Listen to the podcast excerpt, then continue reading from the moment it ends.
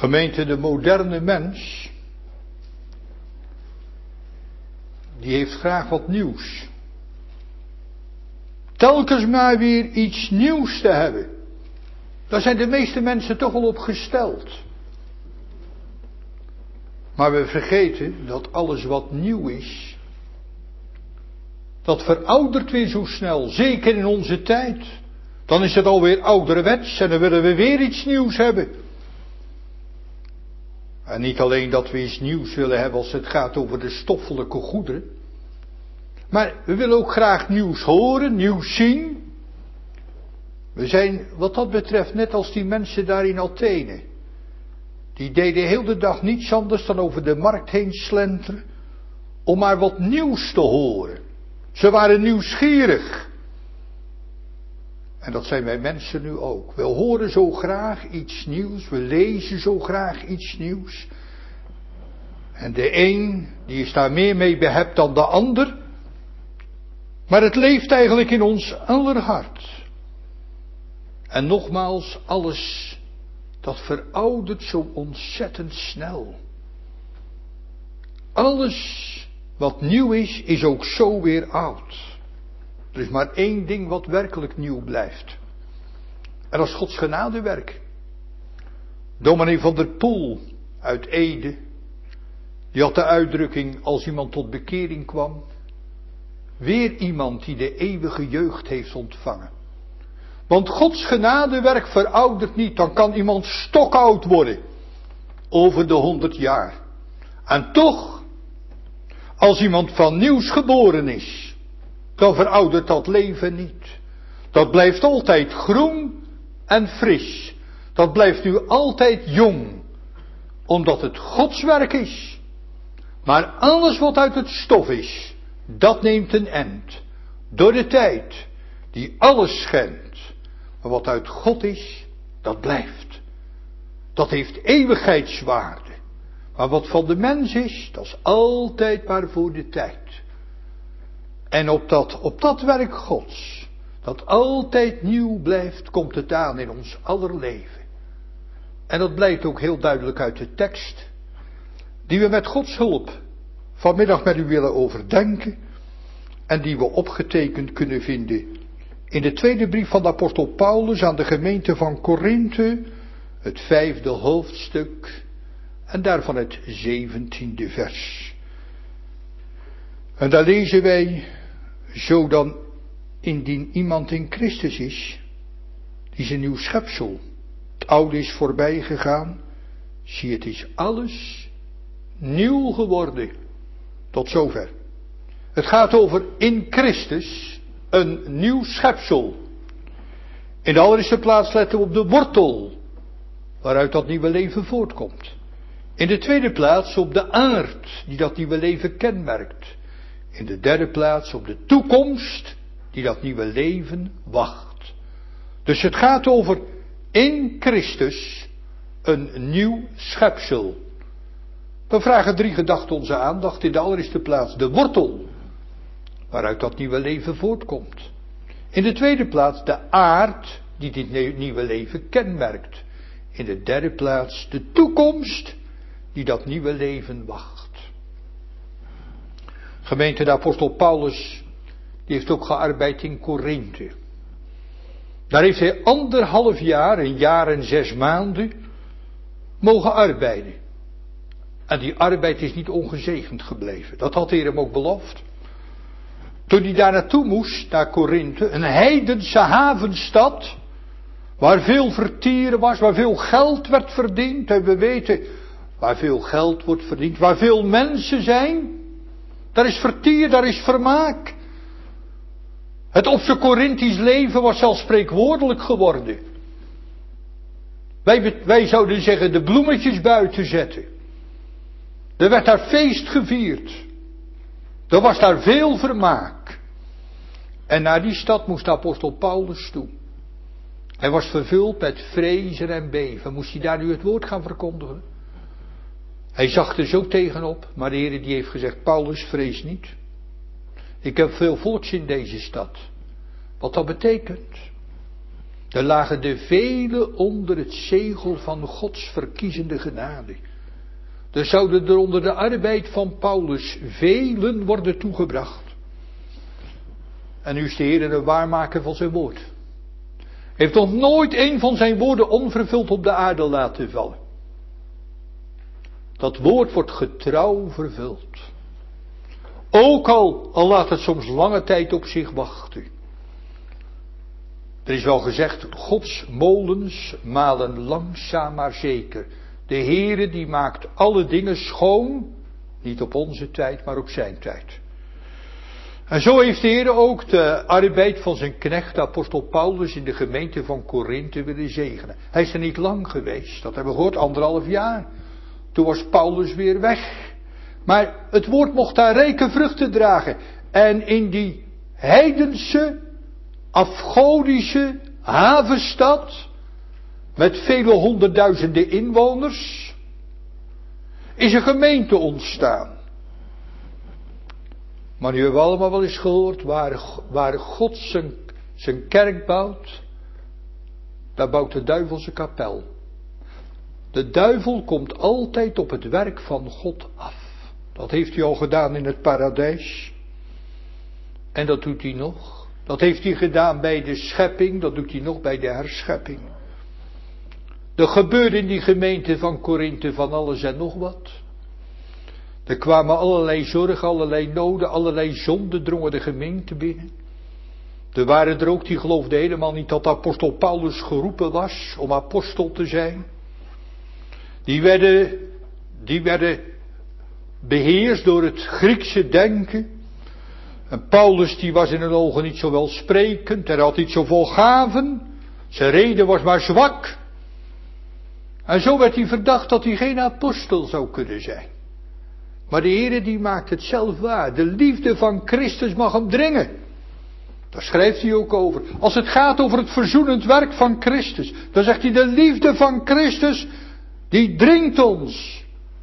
Wat betekent dat u eigenlijk? Wat is die liefde van Christus? Wel, Christus die heeft zijn vader volmaakt lief. Want er is een volkomen harmonie in het goddelijke wezen. De vader heeft de zoon lief en de zoon heeft de, heeft de heilige geest lief. Die drie personen hebben elkaar lief. Johannes heeft ervan getuigd, de apostel der liefde, God is liefde. En de ware liefde, wat is nou ware liefde? De ware liefde die zoekt zichzelf niet. De ware liefde brengt een offer. De ware liefde zoekt de ander. En zo is u ook in het goddelijke wezen. Weet u, de zoon heeft de vader lief. En als u gaat over de schepping, dan zeggen we God de Vader en onze schepping. Hij is onze schepper en onze formeerder. Maar wij hebben tegen hem gezondigd. Wij hebben God de eer niet gegeven. Hij kan zeggen, ben ik een vader? Waar is nu mijn eer? En nu is Christus gekomen, waarom? Om de mens weer te herstellen. Dat er weer een volk zal zijn, wat de lof des Heren zal mogen vertellen. En daartoe is hij gekomen, heeft zichzelf niet gezocht. Nee, hij zoekt de eer van zijn vader. Hij zoekt zijn vader te verheerlijken. Dat is de liefde van Christus. Dus die liefde die zoekt zichzelf niet. Nee, hij heeft de zijne lief gehad tot het einde. Want hij heeft niet alleen liefde tot de Vader, maar heeft ook liefde tot wie? Tot verloren zondaren. Hij wil ze zalig maken. Hij wil ze herstellen in Gods gunst en in Gods gemeenschap. En daartoe moest hij zijn leven geven. Dat heeft hem niet veel gekost, nee gemeente, dat heeft hem alles gekost. Hij wilde zijn leven geven. Hé, dat is zelfverlogenende liefde. Want de ware liefde, die verloochent zichzelf. En dat heeft hij nu gedaan om zo een volk zalig te maken. Dat is de liefde van Christus. En die liefde die wordt nu door de Heilige Geest uitgestort in het hart van een zondaar. Hoewel we tegelijkertijd moeten zeggen dat die liefde inderdaad is uitgestort, maar dat die liefde zich niet altijd ten volle openbaart. Het is als het ware een vuur dat ontstoken wordt in het hart. Calvijn heeft gezegd, laat mij maar verteerd worden als ik maar nuttig ben. Wel nu zo stook als het, goed is in het leven van Gods knechten, maar ook van Gods kinderen. Daar is een liefdesvuur ontstoken op het altaar van hun hart. Het is eigenlijk net als dat vuur wat brandde in de tabernakel. Weet u het nog? Toen de tabernakel en later ook de tempel in gebruik werd genomen. Toen heeft de Heer, die heeft daar op dat altaar het vuur ontstoken. Dat was vuur van de hemel. Die priesters die hebben, die, of die levieten, die hebben dat vuur niet ontstoken. Nee, dat vuur daalde neder uit de hemel en dat vuur, dat moest nu altijd brandende gehouden worden. Dat vuur dat mocht nooit doven. Maar u begrijpt wel, dat vuur, dat brandde niet altijd even hoog en helder. Soms dan was dat vuur, dat was maar een, lag maar een beetje te smeulen op het altaar. En dan moest het weer worden opgestookt en worden opgeblazen, net als vroeger de kachel. De ouderen weten dat wel, een kolenkachel. Dan dacht je soms, hé, hey, er is geen vuur meer in. Maar als je even met de pook er doorheen ging en je stookte het een beetje op, dan zag je de vlammen er weer doorheen komen. Zo gebeurde dat ook op het brandofferaltaar. Maar zo gebeurt het ook in het leven van Gods kind. Dat liefdevuur, dat is door de Heer ontstoken. Maar het brandt niet even, altijd even helder. En dan geeft dat vuur geen licht en dan geeft het geen warmte, dat zullen we verstaan. Maar als de geest, de wind des geestes gaat blazen in dat vuur, dat hij zelf heeft ontstoken in de uren van de wedergeboorte, dan zien we het weer hoog opvlammen. Kijk, en als dat vuur ligt te smeulen, weet u wat er dan gebeurt? Het liefdesvuur. Dan komt er ook na ontvangen zoveel eigenliefde bij. Dan hebben we onszelf zo lief. Dan zit de mens er met zichzelf tussen. Hoe kwam het nu eigenlijk? Dat Petrus de Jezus tot driemaal toe heeft verlogend. Waar lag dat nu aan? Dat kwam nu omdat het liefdesvuur bij Petrus niet zo hoog opvlamde. Omdat dat liefdesvuur maar wat lag te smeulen. Want daar gaat het over. Later dan vraagt de Heer Jezus toch aan de zee van Tiberias. Simon, zoon van Jonas, hebt gij mij liever dan deze? Daar vindt het liefdesgericht plaats. Petrus is er wel werkelijk liefde. En Petrus mag tenslotte zeggen, ja heren, gij weet alle dingen. Gij weet dat ik u lief heb. Of het kan heel ver weg zijn. Zo kan het zijn in het leven van Gods knechten. Maar toch, dat liefdesvuur, dat is ontstoken door de Heilige Geest. Dat is datzelfde vuur als wat er brandt. In het hart van Christus. In zijn borgtochtelijk hart. En nu heeft hij alles willen geven. Hij wilde de dood ingaan. Om zo de weg te banen. Dat zondaren met God verzoend zouden kunnen worden. Daar gaat het hier over. Over de verzoening met God. En dan gaat hij schrijven over dat nieuwe schepsel in de tekst. Zo dan indien iemand in Christus is. Zo dan. Hij trekt hier een conclusie. Iemand die in Christus is, die is een nieuw schepsel. We hebben net gezegd, dat liefdesvuur, dat betekent, er wordt een vuur ontstoken in het hart. Dan krijgen we liefde tot wie? Tot God en tot de naaste. Gemeente, dat hadden wij in het paradijs. Daar brandde het liefdesvuur. Maar dat vuur hebben wij gedoofd. In onze diepe val in Adam. Nu is de liefde die is verdwenen. Die ware liefde die zichzelf niet zoekt. Die is weg.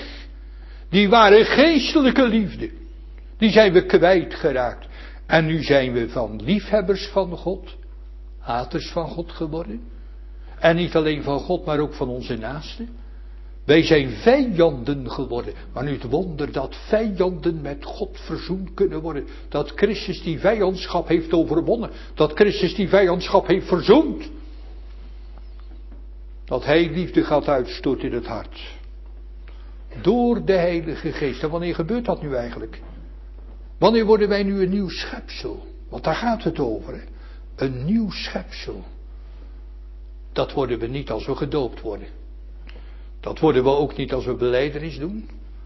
Dat worden we ook niet als we aan het heilige avondmaal gaan. En dat worden we ook niet door al onze godsdienstige verplichtingen. Dat betekent, dan word je niet door je kerk gaan. Dat kan de Heer gebruiken als middel. Dat wordt niet door je Bijbel lezen, dat wordt niet door je bidden. Dat is allemaal noodzakelijk gemeente, het kan niet gemist worden. Maar daar gaat het niet over. Weet u waar het over gaat?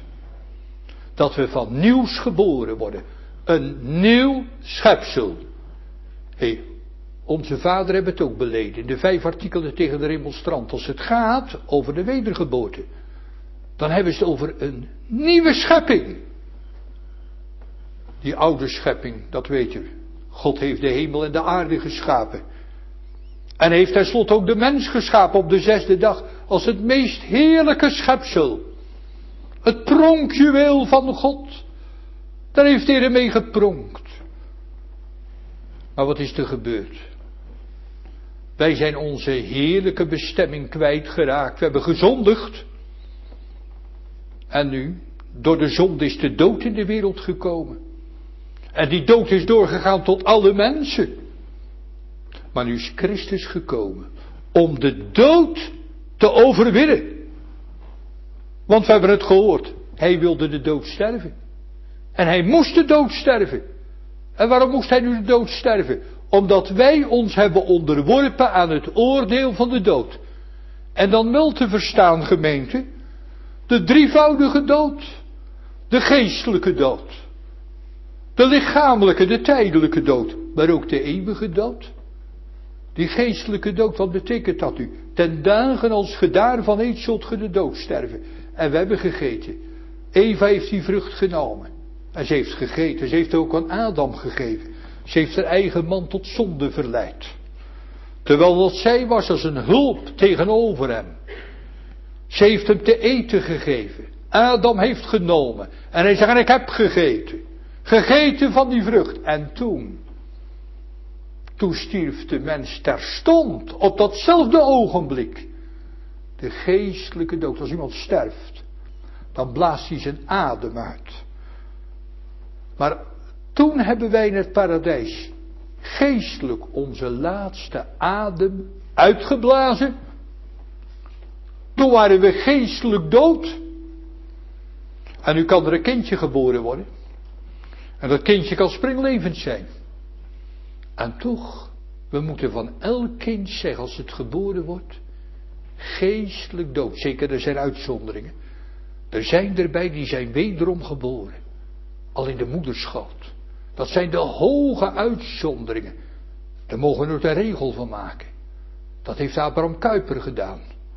Maar Gods gewone weg is eerst natuurlijke geboorte. Wat uit het vlees geboren is, dat is vlees. Dat heeft de Heer Jezus gezegd tegen Nicodemus en dan. Maar wat uit de geest geboren is, dat is geest. Dan word je opnieuw geboren. Dan word je een nieuw schepsel. Dus zo wordt een mens een nieuw schepsel. En als we het dan hebben over de wortel, waaruit dat nieuwe leven opkomt. Hoe is dat nu mogelijk?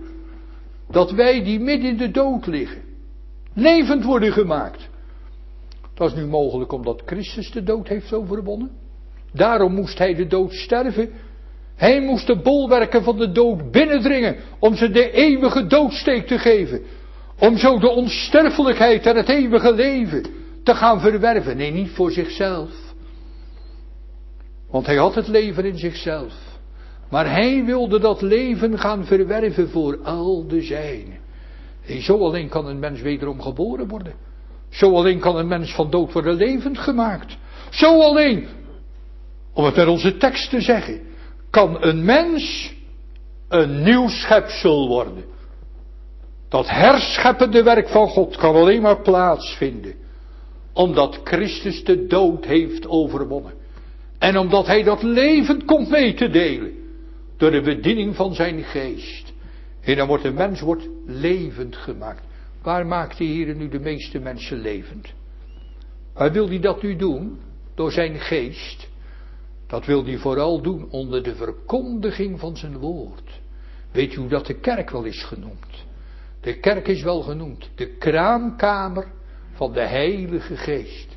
Zoals er nu kinderen geboren worden in een kraamkamer, zo worden er ook mensen, vooral wederom geboren, onder de prediking van Gods woord. Hij wederbaart. We hebben het in het gebed ook gezegd, hè. Gods woord, dat is het zaad van de wedergeboorte. En dat woord, dat heeft kiemkracht. Daar gaat kracht van uit. Het is een kracht Gods tot zaligheid. Maar ons hart dat deugt niet. Die akker van ons hart deugt niet. En daarom moet de Heilige Geest zich paren aan de prediking van het woord. Het is een groot voorrecht dat we Gods woord mogen hebben. Maar als er de bediening van de Geest ontbreekt, dan zal dat woord geen kracht doen tot zaligheid. Zeker, het werkt altijd wat uit. Het zal nooit ledig tot de Heer wederkeren. Het zal altijd doen al hetgeen wat hem behaagt. Het is een reuken des doods ten dode. Dan wordt ons oordeel zwaarder onder de prediking van het woord. Dan hebben we de weg geweten en niet bewandeld. En wat zal het dan vreselijk zijn, gemeente? Staan we er bij stil om te vallen in de handen van de levende God. Paulus spreekt er ook in het verband van onze tekst over dat wij allen, zonder onderscheid, wie we ook zijn, geopenbaard moeten worden voor de rechterstoel van Christus. Opdat een iegelijk wegdragen hetgeen hij gedaan heeft. Het zij goed of het zij kwaad. En weet u wat u zo erg is? Als het nou gaat over dat nieuwe schepsel. Dan staat daar tegenover dat oude schepsel. Dan zijn we in Adam.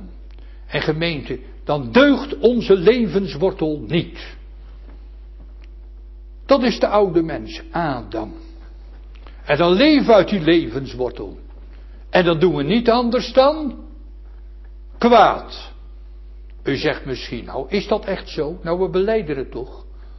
Onbekwaam tot enig goed en geneigd tot alle kwaad. Hé, wat is het ook zakelijk, hè? Dat we daaraan ontdekt worden. Dat dat hart van ons wat gesloten is. Door de bearbeiding van Gods lieve geest geopend wordt want dan gaan we zien wat er leeft in ons hart. Welke zaden dat er liggen op de bodem van ons hart. Dan moeten we zeggen, alles wat in de wereld gevonden wordt. Al het kwaad wat bedreven wordt. En dat is wat. Dat komt allemaal hier vandaan. Dat komt allemaal uit uw hart. Vroeger had je pakhuizen. Die pakhuizen die werden vemen genoemd. En daar lagen de goederen van de hele wereld in opgeslagen. En zo is het eigenlijk ook, heeft iemand eens gezegd, met ons hart. Alles wat je in de wereld vindt, dat ligt hier in dat pakhuis. Dat ligt hier in ons hart. Daar liggen alle zaden van boosheid. En als we daar dan ontdekt worden, worden we dan niet bang van onszelf? Vragen we dan niet, heren, bewaar ons toch voor onszelf, dat, we toch, dat er toch niet uitkomt wat er in mijn hart leeft. Want dat is verschrikkelijk. Dan gaan we schrikken van onszelf. Dan worden we bang van onszelf. Dan hebben we het nodig om bewaard te worden voor onszelf. Want anders, als God een mens door, loslaat, gemeente, dan breekt hij uit in de zonde. Nee, in de wortel van de zaak zijn we allemaal hetzelfde. Allemaal van dezelfde lap gescheurd. Alleen in de uitleving, ja, dan kan het anders zijn. Dan is er nog een onderscheid. En dat komt niet omdat wij zulke goede mensen zijn. Nee, dat komt omdat God nog zo goed is. Dat Hij ons voor het kwaad nog bewaart. Maar het moet dieper gaan. Wij moeten dat kwaad wel leren kennen. Want anders dan worden we er hoogmoedige mensen mee. Dan worden we net als die fariseeën. Dan worden we net als die fariseer in die gelijkenis. Die niet anders deed dan God dank in plaats van bidden. Die tollenaar was een andere man. Die tollenaar heeft gebeden, o God, wees mij zondaar genadig. Die had zijn hart leren kennen. En wat is dat ook zakelijk gemeente? Om nou een nieuw schepsel te worden, moeten we wederom geboren worden. Dat, dat, dan moeten we gaan leren verstaan dat Christus de dood is gestorven om zo dode zondaren leven te maken. Hey, dus dat is de oorsprong van dat nieuwe leven. Dat is de wortel, daar komt dat leven uit voort. Dus die wortel van ons bestaan die deugt niet, hè? dat Adam. Dat is de oude mens. Die kan alleen maar zondigen. Maar nu moeten we van die levenswortel worden afgesneden. En we moeten door een oprecht geloof in Christus worden ingelijfd, ingeplant, één met hem te worden. De Heer Jezus die heeft zelf tegen zijn discipelen gezegd, ik ben de ware wijnstok. En gij zijt de ranken. En we weten die ranken, die werden ingeënt in die wijnstok. En die trekken er levenssap uit die wijnstok. En zo mogen die ranken vruchten voortbrengen. Nee, niet van zichzelf. Dan zegt de Heer, en dat moet ingeleefd worden, uit deze boom geen vrucht meer in de eeuwigheid. Maar dan zegt hij er ook wat tegenover. En dat is vertroostend. Maar uw vrucht, die wordt uit mij gevonden. O, om dat te gaan leren verstaan. Uit deze boom geen vrucht meer in de eeuwigheid. Wij mensen menen altijd maar dat we God toch kunnen behagen. Waarom er nou achter te komen dat wij God niet kunnen behagen. En dat nu Christus in de stilte van de eeuwigheid het al heeft gezongen. Mijn ziel u opgedragen, wil u alleen behagen. Ik draag uw heilige wet, die gij de sterveling zet, in binnenst ingewand.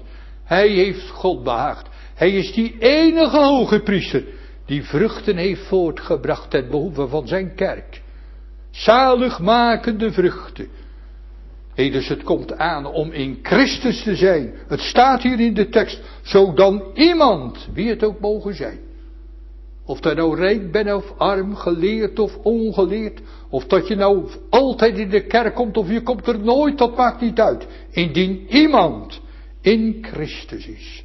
Die is een nieuw schepsel. Daar gaat dat nieuwe leven, dat gaat beginnen. Dat Christus heeft verborgen voor al de zijnen. Hij maakt door zijn geest dode zondaren levend. En dat leven, dat sterft nooit meer. Gaan onze tweede gedachte. Wat is nu, wat is nu de aard van dat nieuwe leven? Wat wil dat nieuwe leven nu eigenlijk graag? Dat leven van Christus, wat Christus heeft verworven. Waardoor kenmerkt dat nieuwe leven zich? Wel, dat nieuwe leven, dat kenmerkt zich dat het op God gericht is. Dat nieuwe schepsel, dat is op God gericht. Die oude mens niet. Die oude mens zoekt God niet. Die oude mens die heeft God vaarwel gezegd. Die heeft God de rug toegekeerd. Dat hebben wij allemaal gedaan. In ons verbondshoofd Adam. En het komt bij de ene meer, meer openbaar dan bij de andere. Er zijn mensen die hebben afgerekend met God en met zijn zalige dienst. En die willen er werkelijk niets van weten. Ze brengen ook deze dag, de dag des Heren, door naar het goeddunken van hun eigen boos en verdorven hart. Maar er zijn er ook die komen trouw naar de kerk toe. En toch, en toch te leven uit die oude natuur, uit die oude wortel, uit die oude Adam. Zo verdorven. Maar nu gaat God gaat dat nieuwe leven werken. Een nieuw schepsel. Het staat hier ook, hè. Dan staat er, het oude is voorbij gegaan, zie het is alles nieuw geworden. Weet u wat dat nu betekent? Het oude is voorbij gegaan. Dat betekent niet dat Gods kinderen verlost zijn van die oude boze natuur, van hun verdorven bestaan. Nee, u moet het anders zien. Ze gaan hun oude natuur leren kennen. We hebben net gezegd, we zijn dood door zonde en misdaden. Dode zondaren moeten levend gemaakt worden. Maar we moeten tegelijkertijd erbij zeggen, als het gaat over onze doodstaat, dat dat niet zomaar een doodstaat is.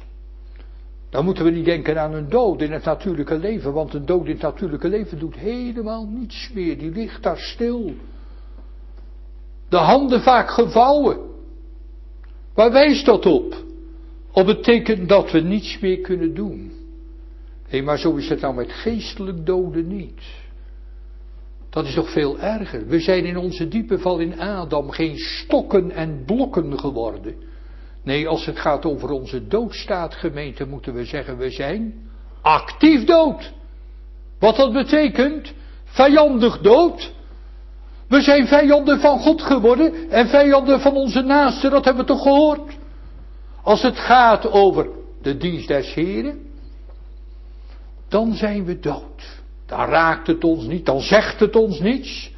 Dan kunnen we jarenlang onder de prediking van Gods woord zeggen, zon zitten zonder dat het ons iets zegt. Dan zeggen we het zegt me niets. Dan zijn we er totaal ongevoelig voor, dan raakt het ons hart niet. Maar heel anders wordt het als een mens wordt levend gemaakt. hey, en nu kunnen we dood zijn als het gaat over de en over zijn zalige dienst.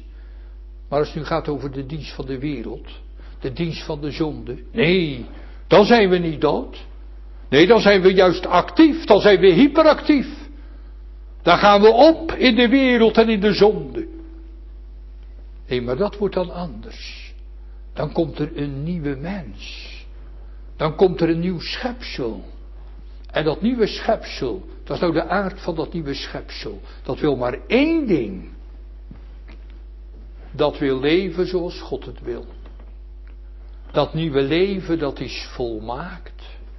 En dat nieuwe leven, dat zou zo graag volmaakt willen leven. Dat nieuwe leven, dat neemt het zo serieus wat de Heer Jezus heeft gezegd. Dat zijn vader volmaakt is en wees gij volmaakt. Dat geldt voor de kerk ook. Hey, dat is nou het kenmerk van de levende kerk. Die hebben een begeerte in haar hart gekregen. Die heeft de natuurlijk mens niet. Die zouden God zo graag volmaakt willen dienen. Nee, dat zijn geen loonarbeiders. Zo moet u het niet zien. Dat waren die fariseeën. Die schriftgeleerden. Die arbeiden alleen om loon. Met andere woorden, die wilden de hemel verdienen. Het was er niet om God te doen. Oh, als ze de hemel maar hadden. Ze verstonden niet. De hemel, dat is die plaats waar God is.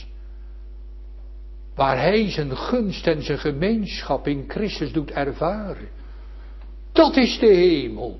Dat is de zaligheid. God te mogen ervaren. Maar dat verstonden ze niet. Weet u, ze werkten alleen om loon, loondienaren.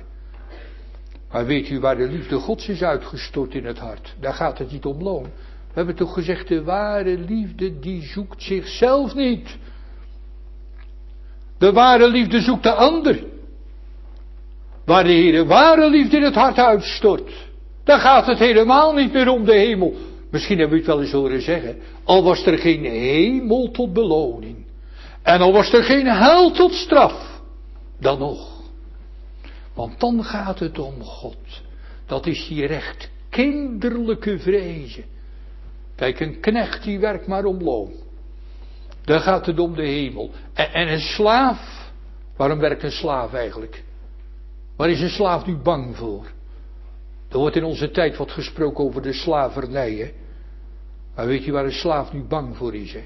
Waarom werkte die eigenlijk? Had hij zijn meester nou zo lief? Nee. Hij wist al als die luierde. Dan ging de zweep erover. Dan kreeg hij straf. Al was er nou geen hel tot straf, dan nog.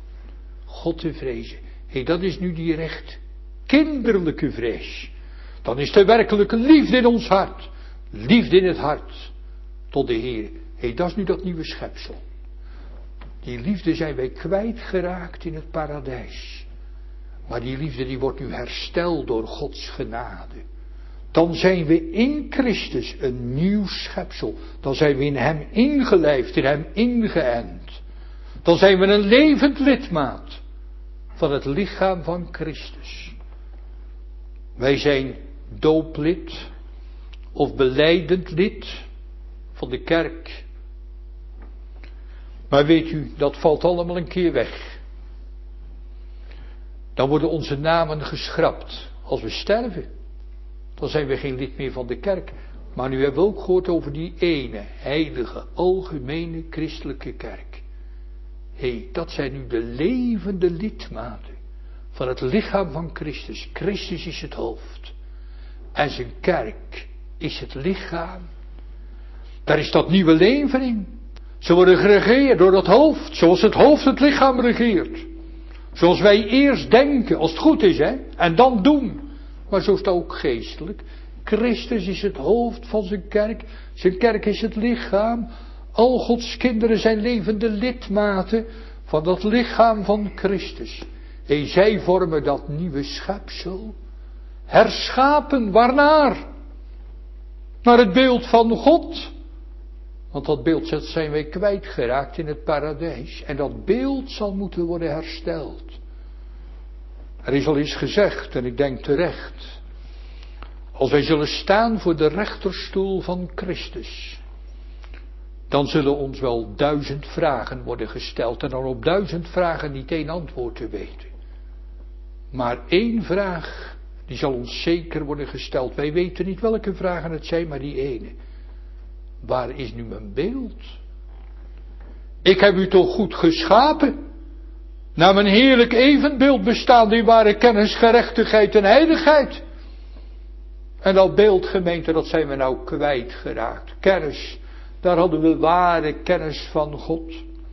Gerechtigheid, in het paradijs, gemeente, de sta der rechtheid, daar stonden we naar rechte verhouding tot God. En heiligheid, dat betekent we leefden alleen voor God. Heel ons leven was aan God gewijd. De mens zat er zelf niet tussen.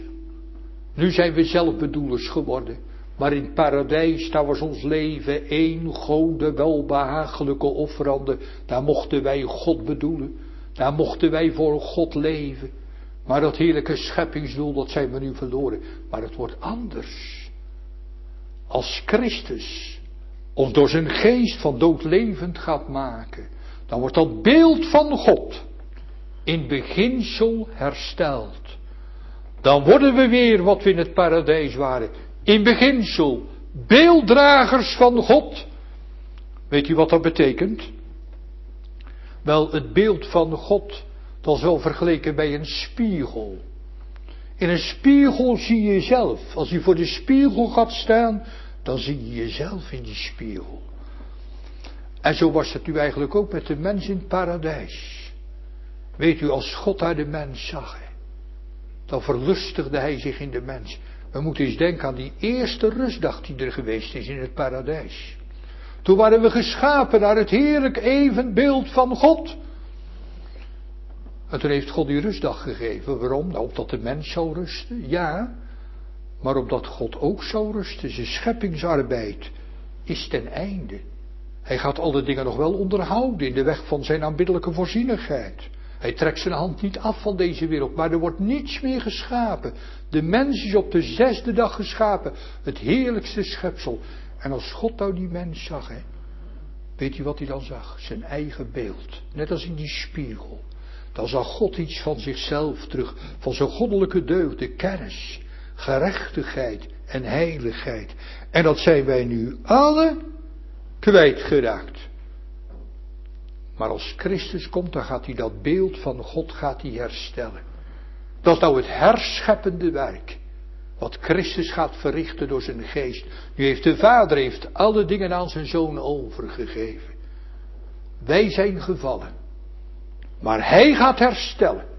De wederherstelling aller dingen is alleen door Christus. En dan gaat het vooral, dat voornaamste schepsel, over de mens dat die mens hersteld wordt. En zeker, Christus heeft een kosmische betekenis. Wat dat betekent? Het gaat eigenlijk over de hele wereld. Maar vooral om de mens. Daar draaide toch alles om. Als we eens denken aan die eerste schepping. Toen heeft God alles geschapen. En op de zesde dag, toen schiep hij de mens. Alles geschapen. Weet u waarom? Voor de mens. Opdat de mens een schepper zou eren, loven en prijzen.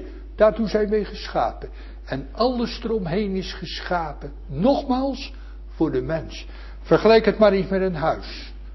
Jonge mensen krijgen verkering. Ze gaan verloven, ze willen trouwen en ze krijgen een huis. En dat huis dat gaan ze inrichten. Dat huis dat moet bewoonbaar gemaakt worden. Daar moet gewit worden, daar moet geverfd worden, daar moet behangen worden, daar moet vloerbedekking op de vloer. Daar worden meubels ingebracht. En dan tenslotte kan je er ook in wonen. Nou, zo was het ook met de schepping. God heeft alles geschapen in zes dagen. En ten laatste heeft hij de mens geschapen. Alles werd in gereedheid gebracht voor de mens. opdat de mens op deze aarde zou kunnen wonen. En opdat hij daar zijn heerlijke taak zou mogen volbrengen. En wat gaat Christus nu doen? Die gaat ervoor zorgen. En dat heeft hem het leven gekost, hè? dat hebben we gezegd. Die gaat ervoor zorgen dat straks er zal zijn een nieuwe hemel en een nieuwe aarde, waarop gerechtigheid zal wonen. Dan zal het alles volmaakt zijn. En de aard van dat nieuwe leven is dat het jaagt. Dat hebben we gehoord, naar de volmaaktheid. Paulus heeft ervan gezegd, ik jaag ernaar. Of ik ook grijpen mocht. Oh, hij wist wel, het zou hier aan deze kant van het graf nooit komen. Gods kinderen worden hier nooit volmaakt. Ze zouden het wel graag willen. Omdat God het zo eeuwig waard is. Zo zijn ze toch uit zijn scheppende handen voortgekomen. En hij komt toch tot beeld terug te vragen. Hij vraagt toch, jonge mensen, gedenk aan je schepper in de dagen van je jongelingschap. Dat vraagt hij. En dat, daar heeft hij recht op. Op ons aller leven. En nu Christus gaat dat nu allemaal herstellen. En dan zal het straks volmaakt zijn. Nou, dan letten we op in onze laatste gedachte, als we het gaan hebben, de toekomst die dat nieuwe schepsel wacht. Onze laatste gedachte. De toekomst dat, dat, die dat nieuwe schepsel wacht, want het is hier allemaal, hebben we gehoord, in beginsel. Weet u nog waar het over gaat? Van nature in Adam, door genade in Christus. En dan begint dat geestelijke leven. Dan worden we een nieuw schepsel. Dat is het. Dat is het begin. Als dat ontbreekt, als nou de wortel ontbreekt, als nu de wortel een kwade wortel is, dan kan die boom die kan nooit goede vruchten voortbrengen. Nee, dan moet die boom, die moet een goede wortel hebben. Dat hebben we van nature niet, maar we hebben gehoord, als we in Christus worden ingelijfd, als nou het werk van de Heilige Geest, afsnijden van Adam, inleven in Christus, één met Christus worden door het geloof. Want het geloof verenigt met Christus. Kennen we Christus dan gelijk? Nee. Maar hij gaat zichzelf als de meerdere Jozef wel openbaren. Daar gaat het wel om. Dat we hem ook gaan leren kennen. Niet alleen uit hem te leven, maar hem ook te leren kennen. Vroeger stond in Bergambacht dominee Kek. Heb u wel eens van hem gehoord? Een oude hervormde predikant. En dan woonde in Stolwijk Chris van Dam, later ook predikant geworden. En dan ging hij wel eens luisteren bij dominee Kek. En dan mocht hij echt aangenaam bij hem kerken, fijn bij hem kerken. En dan ging hij wel eens opzoeken. En dan vertelde hij wel eens uit zijn leven. En weet u, wat dominee Kek dan tegen hem zei. Dan zei hij, luister eens, Van Dam, dat is wel, Christus, wel van Christus, maar het is Christus niet. Hem moet je zien te krijgen. Hey, is dat nu naar de schrift? Wij leven in een tijd dat ze zeggen, nee hoor, dat is niet naar de schrift. Je kent de Heer Jezus direct. En, eh, maar vroeger zeiden ze, hoe hebt ge het wildbraad nu zo haast gevonden? Als het gaat over de kennis van Christus. Hoe hebt ge het wildbraad zo haast gevonden? Weet u, toen Rut kwam op die akker van Boas, kenden ze hem aanvankelijk niet. Nee, ga nog eens verder terug in Gods woord. Die broers van Jozef, die leefden uit de voorraadschuren van Jozef. En hem kenden ze nog niet. Maar, wees eerlijk, hij ging zichzelf wel aan het openbaren. Zo is er toch een weg die naar Christus toe leidt. Naar de kennis van hem. Om uit hem bediend te worden, ja. Maar als je hem nu hebt, dan heb je alles. Want daar gaat het ook toch over, hè. Rutte wist wel, toen de oogst voorbij was, ach, had zoveel mogen rapen op die akker van Boas. Maar ze wist één ding, als uit die voorraad gaat ging, zou gaan leven, dan zou ze op de duur niets meer hebben, want die voorraad die raakt op. en daarom ze moest Boas hebben. En zo is nou in het geestelijk leven ook. Dan kunnen we leven uit hem. Maar dat raakt allemaal een keer op als we hem niet hebben. Het gaat om de kennis van Christus, die de weg, de waarheid en het leven is. En nu hebben gehoord.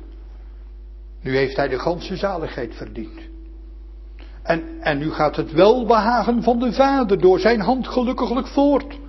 Want waar gaat het om? Nou dat het weer wordt zoals het was. En hoe was het dan in het paradijs? Volmaakt.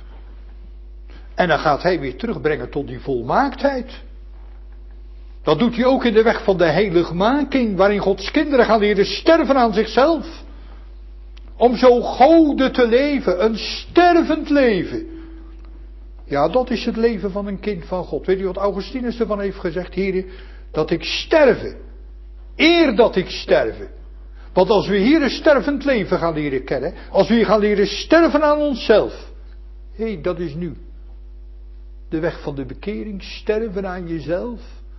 Dat die oude mens meer en meer gaat sterven om goden te leven. En als een mens nu sterft, dan gaat hij eeuwig erven. Want dan kan dat nieuwe leven, dat nieuwe schepsel zich volledig ontplooien.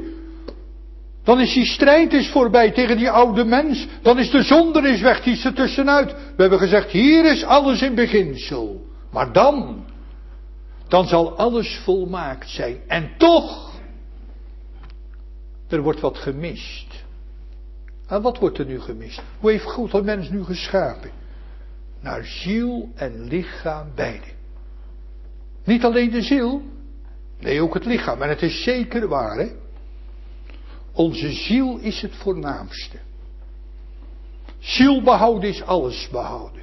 De ziel is meer dan het lichaam. Maar, dat betekent niet dat lichaam er niet bij hoort. God heeft de mens geschapen naar ziel en lichaam. En Christus heeft ze gekocht naar ziel en lichaam. En nu gaat het over dat nieuwe schepsel, daar hoort het lichaam ook bij.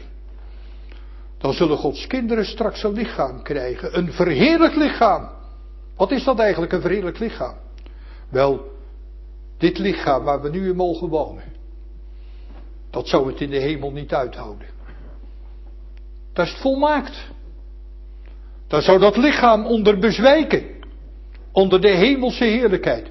Er zijn kinderen van God, hè. Die zijn gestorven van de liefde. De Heer die gaf zo de blijken van zijn liefde. Dat hun aardse tabernakel, hun lichaam eronder bezweek. Dat dat lichaam het niet vol kon houden. Nee, ze krijgen een lichaam.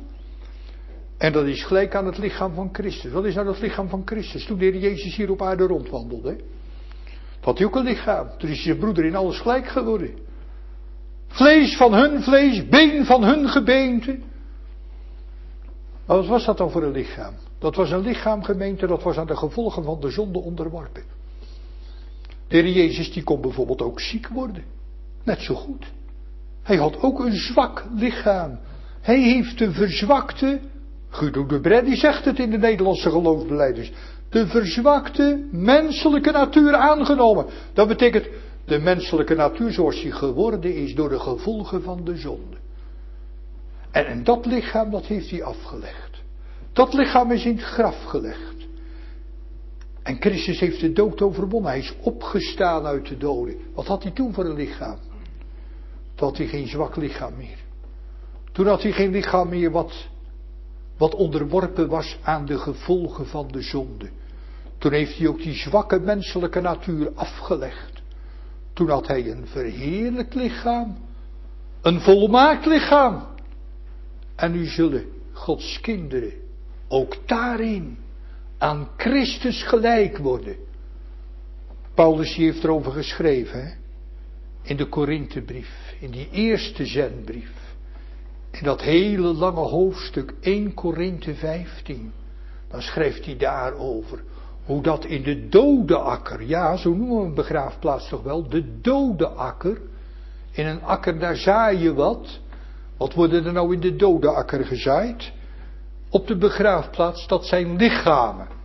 Daar worden de lichamen ook van Gods kinderen gezaaid. Want enerlei lot wedervaart de rechtvaardige en de goddeloze. Ook Gods kinderen moeten begraven worden. Ook hun lichaam verteert in het graf. Een lichaam wordt in oneer gezaaid, in verderfelijkheid.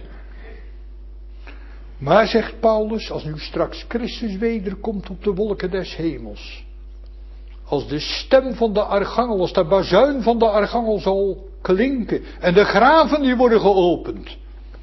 Wat zullen ze dan ontvangen? Dan ontvangen Gods kinderen een verheerlijkt lichaam. Dat betekent, dan kunnen ze God groot maken. Naar ziel en lichaam beide. Dan kunnen ze de heerlijkheid van God dragen naar hun lichamen.